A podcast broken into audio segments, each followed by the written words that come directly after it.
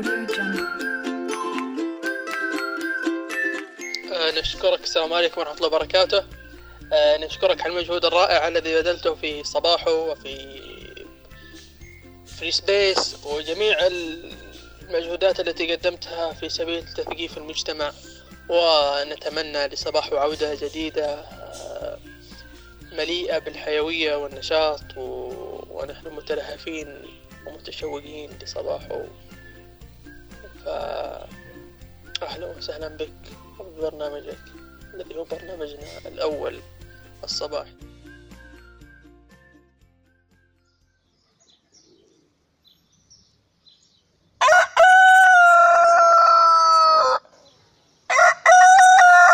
زين زين.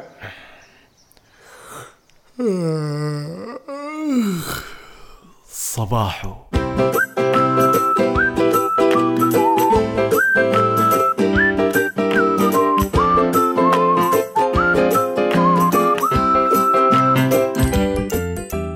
صبحكم الله بالخير أحبائي مستمعين برنامجكم الصباحي المفضل اللي غاب عنكم فترة طويلة بسبب ظروف الدوام وبعض المشاغل من هنا ومن هنا.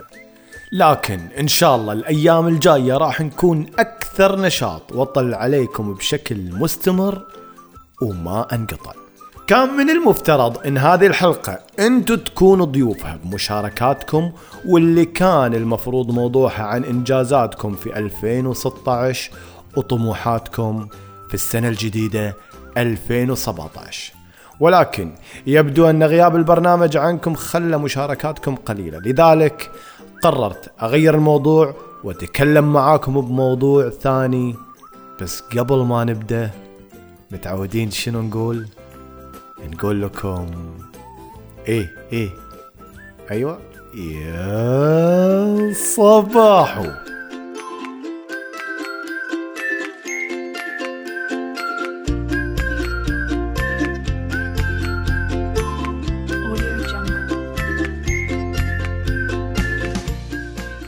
قبل أسبوعين تقريبا أحد متابعيني على السناب تواصل معاي واستأذن مني إنه يشكي لي وضعه. قلت له تفضل وخذ راحتك. كلي آذان صاغية. يقول خوينا إنه يبي طريقة يغير فيها نظرة أهله وأصحابه والناس له. قلت له ما فهمت. قال إن أهله ما يسموه إلا الغبي وأي مشكلة تصير بالبيت أو خارج البيت ويكون هو طرف فيها يطيح اللوم كله عليه بسبب غباءه وسوء تصرفه حسب كلام أهله. إذا يجلس مع أصحابه ويحاول يبدي راية فراية ما له أي قيمة. يعني هو بالمختصر صفر على الشمال. يقول إن كل ما حاول يحسن هالصورة تصير سالفة ويرد لنقطة الصفر. وكأنك يا أبو زيد ما غزيت. وتيتي تيتي مثل ما رحتي جيتي.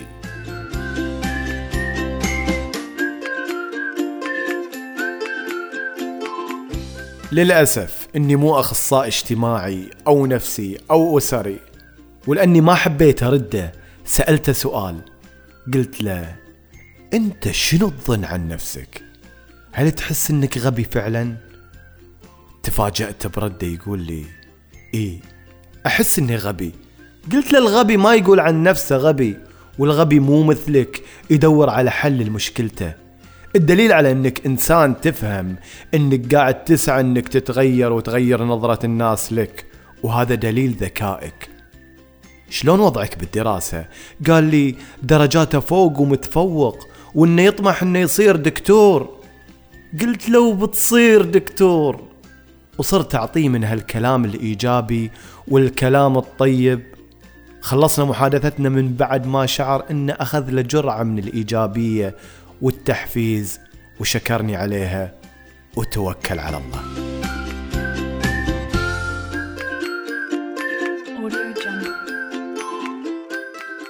ناس وايد غير هذا الشخص يشكون من نفس المشكلة. إما أهلهم أو أصحابهم أو مجتمعهم كله مجتمع محبط. مجتمع ينظر إلى الإبداع على انه شيء مقتصر على ناس معينين. طيب شنو الحل؟ إذا كانوا أهلي وهم أقرب الناس لي جالسين ينعتوني بالغباء ويتهموني بسوء التقدير ويسخرون من طموحاتي وأحلامي شنو الحل؟ لما يكونوا أقرب الأصحاب ما يثقون في رايي وجلوسي معهم مثل أي تحفة موجودة بالصالة. شنو الحل؟ لما أحاول أقدم فكرة معينة ويرفضها المجتمع لمجرد إنها مني. وكأن الأفكار ما خلقت إلا لأشخاص تتمتع بمواصفات معينة وأنا محرم علي طرح أي فكرة ممكن أنها تغير المجتمع للأفضل.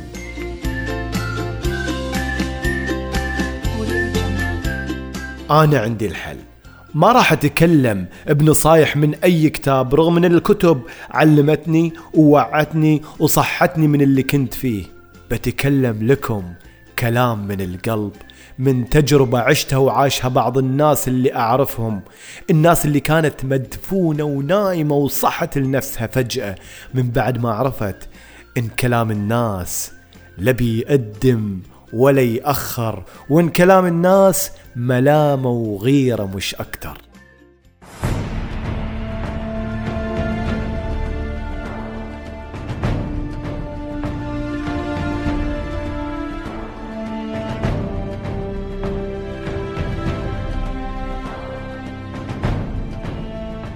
كنت بصغري أخاف من المجتمع.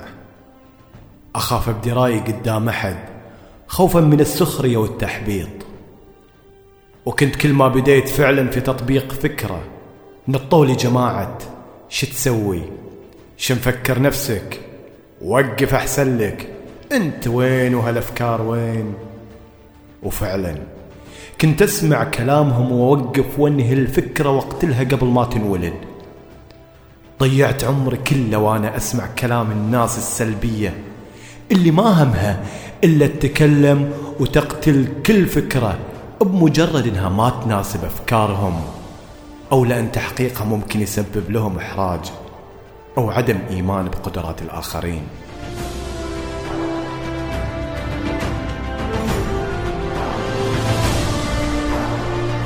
للأسف صحيت متأخر.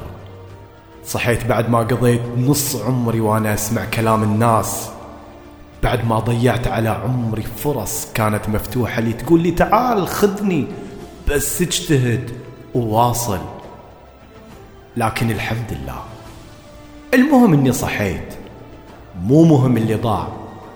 المهم اللي جاي. بديت أعرف إني لازم أتحرك لازم أرمي كل شيء وراي. واشتغل على كل شيء أنا مؤمن فيه وأحلم به. عرفت إن الإبداع مو محصور بناس معينة. عرفت إن الاصرار والعمل وبذل الجهد والخروج من منطقة الراحة راح يساعدني أوصل للي أبيه.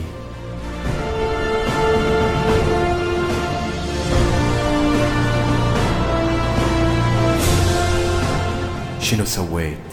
شنو سويت؟ شنو سويت؟ سويت مثل ما سوى غيري. غيرت البيئة اللي أنا فيها. لا لا لا لا لا تفهمني غلط. ما أقول لك اترك أهلك وأصدقائك اللي دايما يحبطونك ويقتلون إبداعك. صعب أنك تأخذ هالإجراء. لكن لما أقول لك غير بيتك أعني تعرف على ناس مبدعة تفكر تشجع جالسهم وزاوج أفكارك بأفكارهم. استفيد منهم وخلهم هم بعد يستفيدون منك. اسمع منهم خلهم يسمعون منك. في نفس الوقت قلل من احتكاكك بالناس المحبطة خلك على علاقة طيبة معهم. بس لا تعير الكلامهم أي اهتمام. ركز على إبداعك وشوف شلون بينقلب حالك.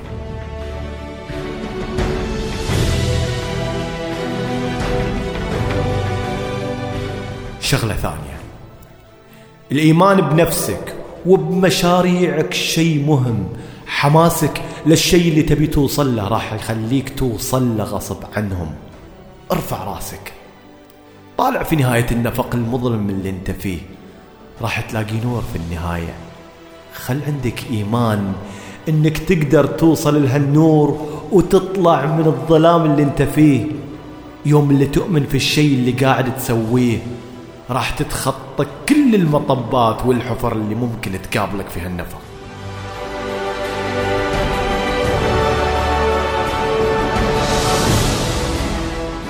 الفشل وما أدراك ما الفشل.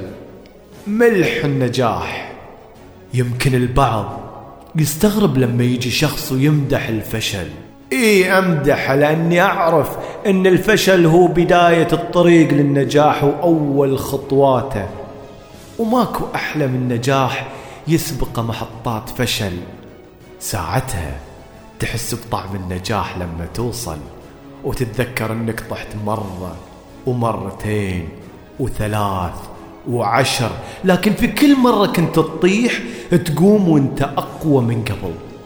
تقوم وتتعلم إن الدنيا عبارة عن مجموعة طيحات وصدمات. تصنع منك إنسان ثاني أقوى وأنضج. افشل وافشل وافشل. بالنهاية النجاح راح يكون حليفك.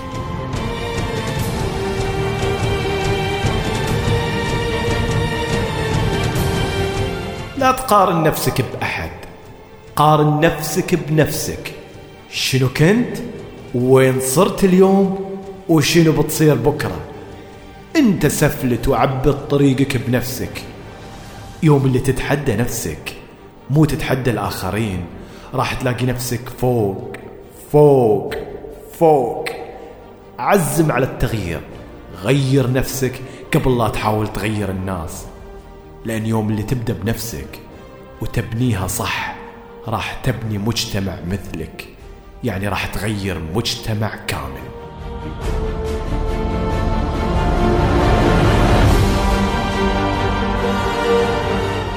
تذكر أنت المسؤول الأول عن اللي يصير لك.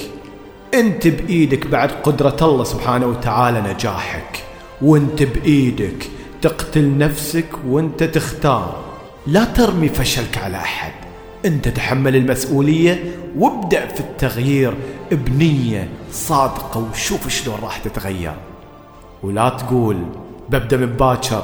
لا لا قوم الحين ابدأ من هاللحظة. وارسم حياتك الجاية وقول بسم الله. ويوم اللي توصل خبرني عن طعم النجاح وحلاوته.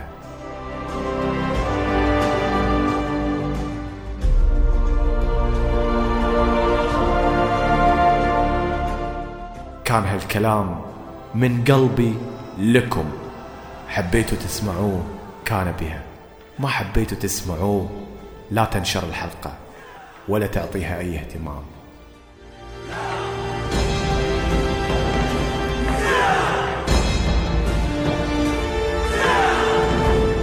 شكرا لكم أعزائي. كان معاكم أحمد قريش من برنامج صباحو. وإن حبيت توصلك حلقات صباحو ارسل كلمة اشتراك على الواتساب على الرقم التالي صفر خمسة خمسة واحد صفر خمسة ثلاثة صفر سبعة خمسة. مع السلامة.